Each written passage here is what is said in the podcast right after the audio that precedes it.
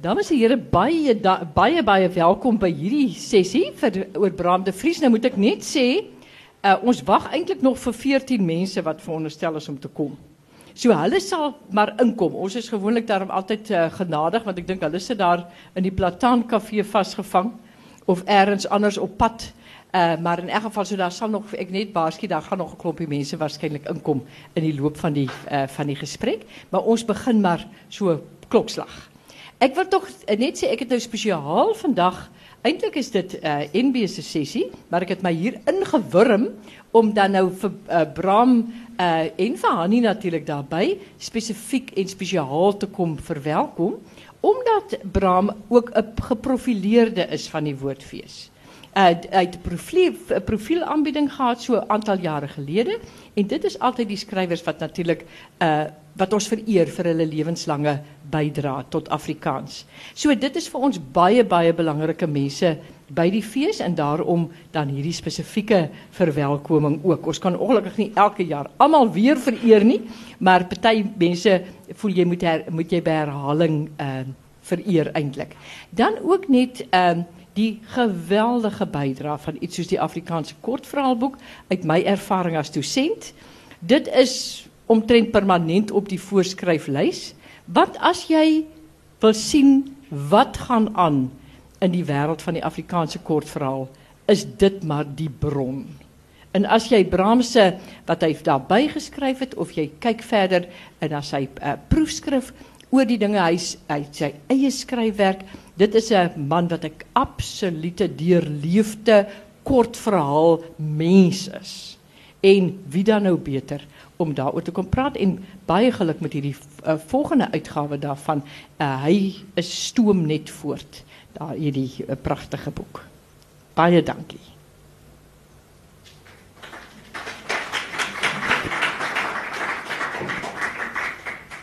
Dames en heren, ik ga jullie niet lang bezig houden, want uh, jullie wil eindelijk om luisteren naar, oeps, naar Bram en Willemien. Um, dat ik niet mijn beren schrijf, zodat ik alles laat vallen.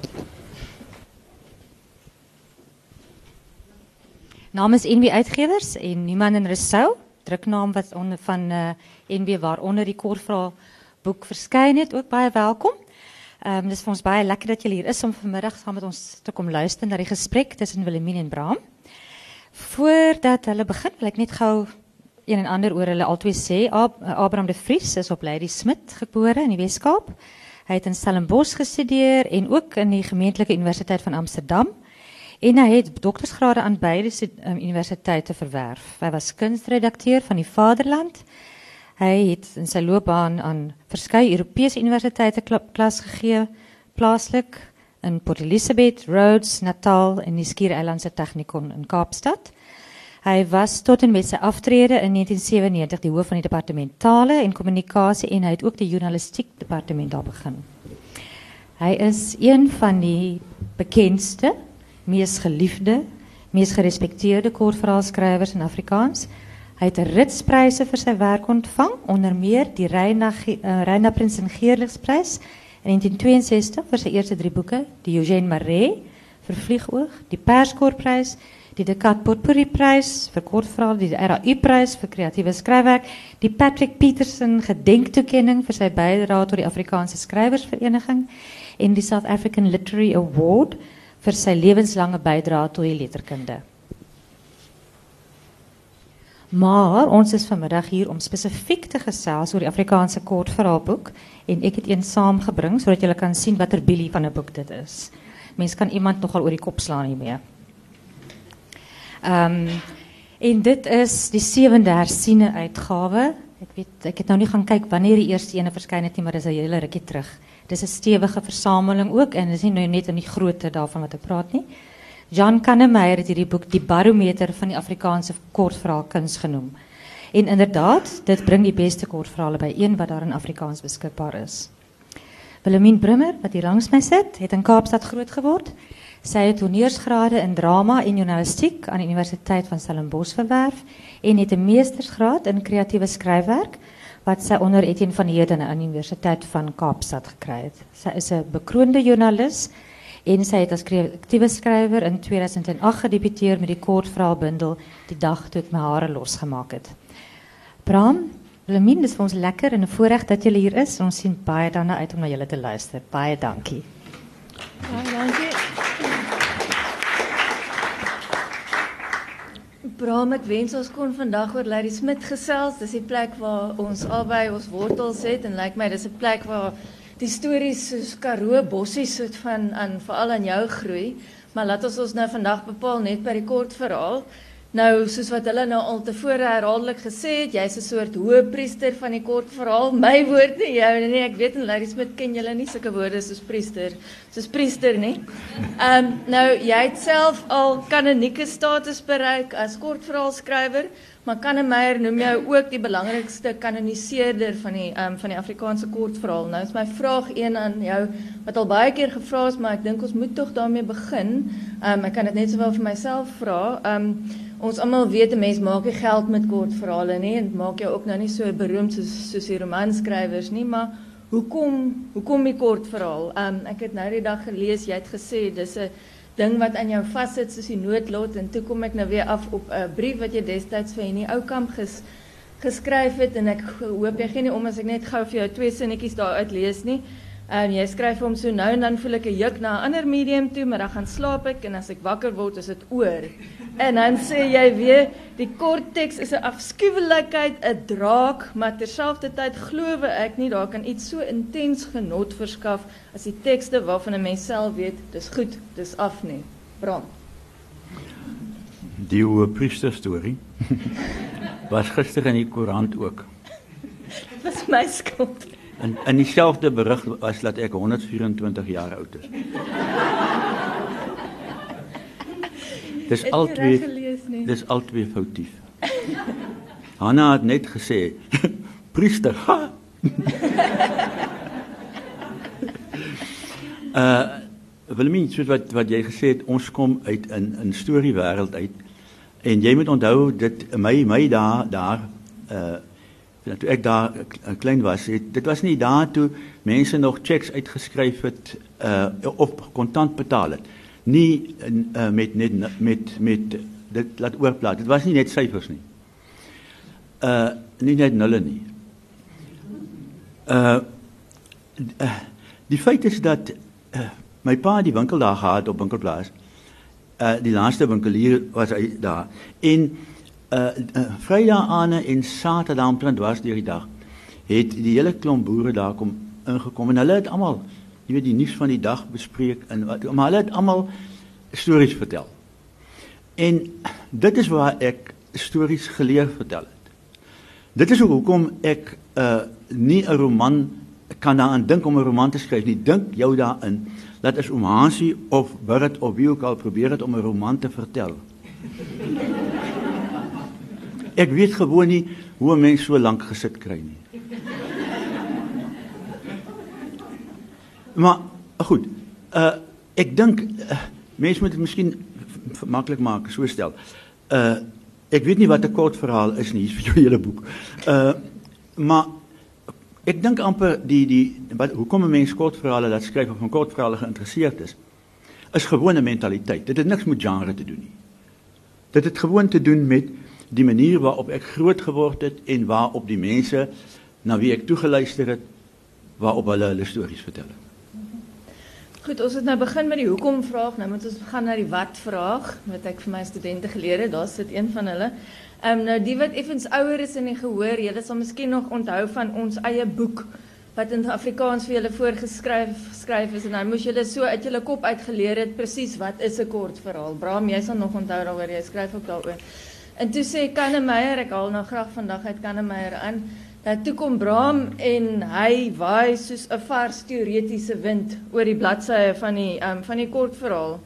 Um my vraag aan jou is dus um kan 'n mens 'n ding soos 'n kort verhaal definieer? Weet jy noem dit onder andere 'n sneller boodskapper as die roman? Nadine Gordimer natuurlik sê dis 'n um, short story writer see by the light of the flash. That's right. Um wat 'n kort verhaal is, nie, dit weet ek nie. Maar uh die die die die die storie van die ehm uh, vereistes vir 'n kort verhaal en daai soort van. Dit kom dit is nogal 'n interessante storie. Laat my vir jou storie vertel. In 1937 ag, hoor vir my. 19 uh 1837 het daar 'n uh, 'n boek verskyn Tales Twice Told van Nathaniel uh, Hawthorne uh, en Edgar Allan Poe het die uh, recensie daaroor geskryf. Nou Edgar Allan Poe was uh, self ook 'n bekende skrywer. Dit is waar hierdie hele ding ontstaan het. Hy het klem gelê in daai recensie daarop uh, dat 'n uh, kort verhaal in een sitting gelees moet word. Met ander woorde, hy het uit uit uit op die enkelheid van die kort verhaal. Daar moet net een of twee of drie karakters in in voorkom. Dis natuurlik gewoon nonsies. As jy geld glad nie vir jou verhale nie. Nee nee, maar ek bedoel ek Etienne Leroux se uh, Dag en Berg en daar bestaan net karakters. Uh en sy beklemtoning van die wat hy genoem het die denouement. Dit wil sê die die die einde van die verhaal wat vir jou laat kyk as jy daarvan na terugkyk dan weet jy vir die eerste keer wat jy gelees het. Né? Uh jy sal dadelik herken dat dit 'n uh, groot invloed gehad sou moes kon gehad het op die uh tydskrifverhaal en dat hy eintlik van tydskrifverhale gepraat het van wie waarvan dit nou ook nog waar is. Nou daardie hele affære het gelei. Dit is presies wat gelei het tot die die kenmerk. Die ouens het geredeneer as Poe dit sê van die verhale uh van Hawthorne in uh twice uh, tales twice told dan moet dit ook as jy dit in 'n ander verhaal aantref dan moet dit ook goed wees. Weet? Dis nou dis nou die manier van en dit is hoe jy uh, die die die hele storie gekry het van die kenmerke van 'n goeie kort verhaal en later het dit geword die vereistes vir 'n goeie kort verhaal ek het dit meegemaak dat my toe ek my my derde bundel al toe het het een van die groot manne het het geskryf daaroor en toe sê hy dit sou goed wees as ek in in 'n kursus gevolg eers in.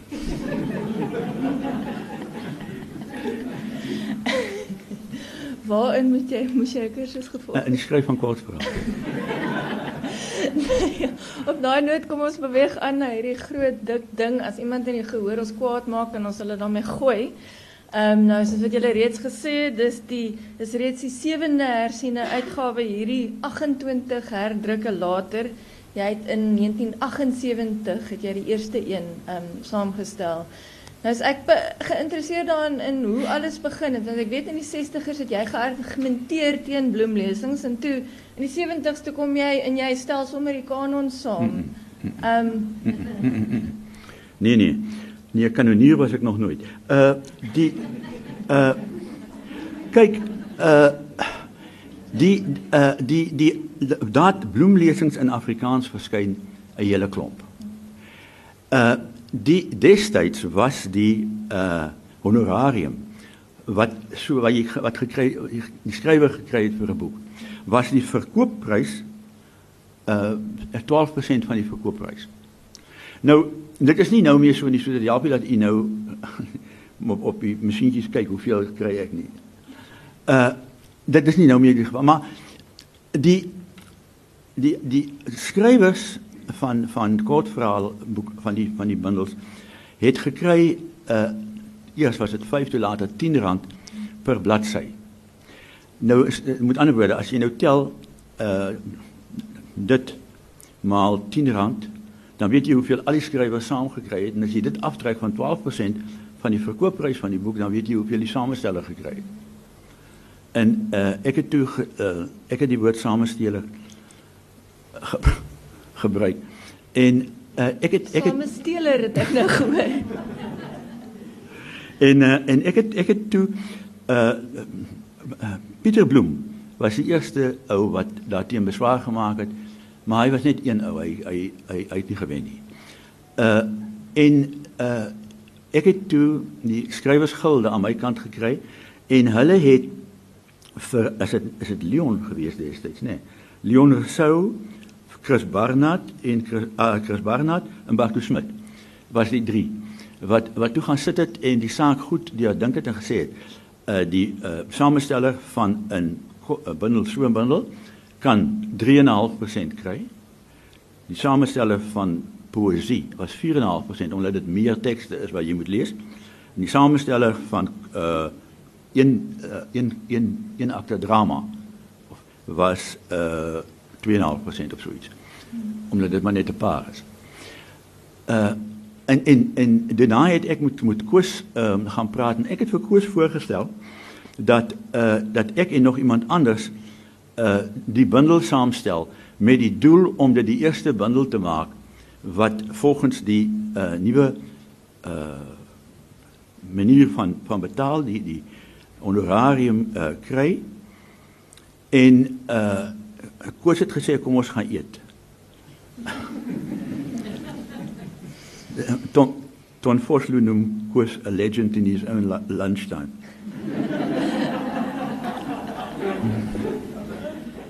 en en toe, toe ons nou weer gaan sit en nou begin praat daaroor toe sê hy wanneer wanneer wanneer is jou idee nou om om die ding te begin toe sê ek nee wel ek het klaar jy weet uh half daarmee begin toe sê hy maar hoekom kan jy dit dan nie alleen doen nie en uh as as Koos vir jou so 'n vraag gestel het vir alles dit by pudding kom en so dan dan het 'n mens geweet dat dis 'n opdrag né en jy ek het maar gesê okay, ek ek sal doen. Dit is hoekom ek dit gedoen het. Dat die, in die eerste instansie het ek die boek saamgestel sodat daai besluit geïmplementeer kan word en sodat alle skrywers iets meer kan kry uit hulle kortverhale. Jan Ram, Jan Rabbi het nadat hy die eerste check daarvan gekry het, het hy toe ek uit die kar uit klim gedaan. Kom klim, klim uit jou kapitalis. Het Jan Rabie nie ook daarna gekla dat hy nou vir die eerste keer moet begin belasting betaal of so ja, iets nie oor. nou ons het net nou baie gepraat oor die ek weet nie betaal jy moet invul. O, invul. Belastingvorms invul. Ons het net nou baie keer die woordjie kanon gebruik en soos wat jy self sal sê, jy sê jy's nie 'n kanonier nie, maar dit is 'n baie problematiese woord want hy dra natuurlik 'n moer se skus tog um, verantwoordelikheid um, met hom saam. Um, jy weet, so kan jy natuurlik as jy kyk na hierdie ding kan dan kan jy vra waar is mense soos Marlene van die kerk? Jy sal sê is te om dit al goed te lank is of Johan de Lange of jy kan vra maar verteenwoordig die verhale wat jy nou gekies het hmm. regtig die beste uit 'n skrywer betrokke skrywer se se lewenswerk as kortverhaalskrywer. Ehm um, nou is my vraagie vir jou beskou jy die um, bloemlesing as die kanon van die Afrikaanse kortverhaal? Ek weet klaar jy gaan vir my sê nee. Um, of probeer jy daarmee iets anders bereik eerder soort van 'n oop kap van voetpaadjies langs die toe, kortverhaal van Tuka tot nou? Ja, uh kyk ek het groot uh, net net van vir jou sê sonder om grappe te maak. Ek het in in 'n baie baie groot respek vir John Kannemeyer en vir wat John Kannemeyer gedoen het vir die Afrikaanse letterkunde. Uh ek dink John het dit nie na na na waarde is is nie na waarde geskat in in in sy jare nie. Dit klaar my. Ek ek het nie 'n probleem daarmee dat John die kanon van die uh, kortverhaal uh, noem nie. Al wat ek dis dis dis 'n persoonlike ding. Jy weet dis soos die ou oom met die lang baard wat hulle gesê het slaap jy met jou baard bo op die kombers of onder die kombers wat hy toe 2 3 nagte wakker lê want hy jy weet as as ek myself moet beskou as of 'n hoë priester van die kortverhaal of die kanoniseerder van die Afrikaanse kortverhaal jong dan moet ek dan moet ek jy mag iets eet of so ek dit dit dit man ek sal net nie weer verder iets kan doen nie nee dit is dis maar net uh die kortverhaal is 'n vreemde uh, genre. Uh daar is al gesê dis moeiliker om 'n kort verhaal te skryf as 'n roman. Ek glo dit, né? Maar uh ek kan myself nie beskou uh, dat as enigiets anderster as dat jy besig is met jou volgende bundel kortverhale nie.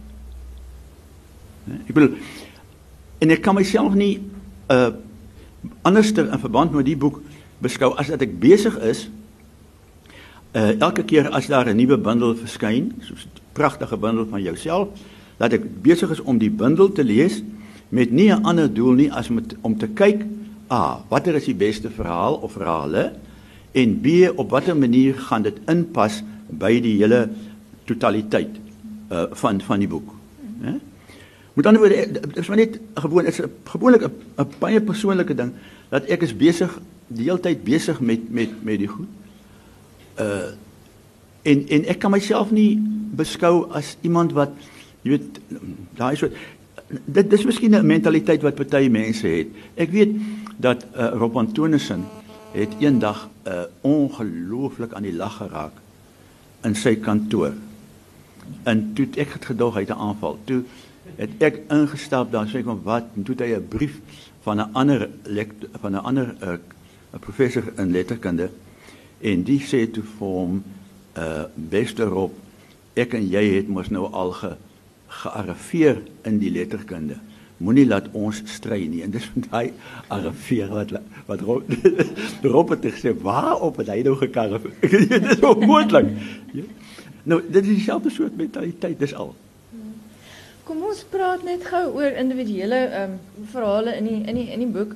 Ehm um, jy begin elke keer met die gebed van Titis Titis Tukaan. Ek dink in 'n paar verskillende uitgawes en dit is natuurlik 'n baie kort ding en is omtrent 120 jaar gelede. Ek dink dis waar die 120 jaar na berig vandaan vandaan kom. Ehm um, in in die gedig kla Titus namens ene Jeremias wat natuurlik um, verband hou met die Jeremias in die Bybel, ehm um, oor die Here wat sy melkbokke nou almal doodgeslaan het en hoe die Here onder meer Jeremias se seun Lukas se stilletjies in die seepot verongeluk het. Ehm um, ek weet jy het al heelwat daaroor geskryf, maar Hoekom dink jy daai verhaal was sy tyd so ver vooruit en hoekom elke keer met daai verhaal begin? Ek sê nou vir jou verduidelik. Uh, ek weet dat daar al gesê is dat en dit is waar dat in die tydperk van ek sogenaamde Nederlandse tydperk uh voor Afrikaans nog 'n amptelike taal was. Uh dat daar dat daar gesê is daar het al baie sulke verhale verskyn. In in resensies oor die boek het dit het dit so gestaan. Daar het nie een so 'n boek so 'n verhaal verskyn nie. Om die om die eenvoudige rede dat Pulvermacher totaal uniek was. Né? En ek sal vir jou in 'n paar woorde verduidelik uh hoekom. Jy sal agterkom dat die die hoofkarakter namens wie gepla in die in dis 'n gebed, né? Dit begin met dis gebed van Titus Tukan. Halleluja. Here, jy het in die laaste tyd goed gedra. Nee, kyk kyk wat dit maar kyk nou wat dit met arme ou Jeremias gebeur. Jy het hom dit gedoen, jy het hom dat gedoen, jy het hom dit gedoen, jy het hom dat gedoen. Probeer nou Here. Jeremias was in jou plek gewees. Wat het hy gemaak? Sal hy jou kinders en jou melkbokke doodgeskiet het? Maar Here, ons moet volgens jou wette handel en malkander al die foute vergewe. Halleluja. En uh, die die eerste wat my getref het toe ek dit ook die verhaal lees, is dis twee Bybelname wat voorkom. Titus en en Jeremias. En nou Jeremia is die oer klaar, né? En hy hy kla hier nie, daar word selfs naam, net namens hom gekla. Toe dog ek wat gaan aan want daar's nog 'n ding wat interessant is en dit is ehm uh, 'n byskrifie bo aan gebed van Titus Tukan as ou meneer te afgemat is. En ek het geweet dat ou meneer die bynaam was vir die uh uh sendelinge, een van die sendelinge destyds. En hy was 'n baie lui man. Dit toe tog ek hier is 'n spottery aan die gang in die in die opdrag al. Wat gaan in hierdie affære? Wat gaan in hierdie storie aan? Tot ek toe afkom, ek het dit hier uh op nou moet jy net weet ek sies net vir jou vertel. Die gebruik van name om goed uh um te verduidelik iets in die verhaal te verduidelik is van tevore al in in die ou tyd daai uh tyd van die van die uh die Nederlandse tyd gebruik. Die 'n kaartjie kekelbek was nie 'n baie stil vrou nie. Besemstok, 'n Hans droogketel, 'n droogkeel Uh in in die moderne verhale kom dit voor by Marie en by Langehoven en Gia Frans en Leroux en by Ina Rousseau. Uh ook die dis die kortste vorm van karakterisering uh, is om iemand so 'n naam te gee. Maar daar twee Bybeltekste het my uh opgeval. Die een kom uit uh, 1 Kolonisense 3 vers 13. Paulus aan die Kolonisense: Verdra mekaar en vergewe mekaar as die een teen die ander 'n klag het, soos Christus julle vergewe, so moet julle ook doen. Ek tog, dis nogal na aan hom. Toe kom ek op 'n tweede een af. Paulus se opdrag aan sy Bybelse naamgenoot wat in Kreta agtergebly het en dis in 1 Titus 3 vers 9. Vir my dwaase strydvrae en die geslagsregisters en twis en stryery oor die wet want dit is nutteloos en doelloos. Wat daarvan as iemand 'n klag het teen God? Dit is die klag wat Jeremia het, ag wat ou Titus het. Want sy klag daaroor is dat die Bybel, ag dat die dat die liefde is nie versoenbaar met lyding nie.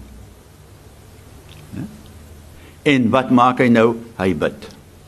En hy sê vir die Here, jy het so goed gedoen dat jy het so goed gedoen dat jy jy het jou regte goed gedra, né? Maar moet my ou vriend net Jeremia sê jy nou nie reg gehandel nie. Jy het dit en dit nou om gedoen. Sy reg melkbokke doodgesien. Sy toe toe nog uit ou as jy sy klein Lukasie ook in die seepot laat seepot laat inval. Laat vir ongeluk. Dan sê hy ons moet mekaar die foute vergewe.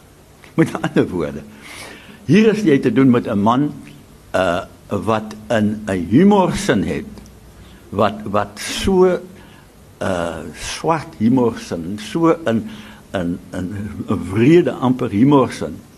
Uh maar terselfdertyd ook in in diep soort humorsin dat daar's nêrens nêrens in die ou geskrifte enigiets wat daarby kom nie in Afrikaans. Um Nou dit is 'n mooi ge geantwoord het oor die eerste storie, gaan ek jou vra oor die laaste storie ook. Dis natuurlik om te bære deur Christine Barkhuizen Leroux. Geweldige roerende verhaal oor 'n boervrou wie se man doodgaan en um, maar sy was die tweede vrou gewees en ook sy tweede keuse gewees. En dan nadat hy gesterf het, dan kan ek maar die einde ja, ja. weggee. Dan gaan lê sy so met haar lyf agter hom in sy van vat vir haar daai laaste bietjie bære, daai laaste bietjie warmte van hom um in haar in haar lyf. Wat wat het jou laat besluit om jou om hierdie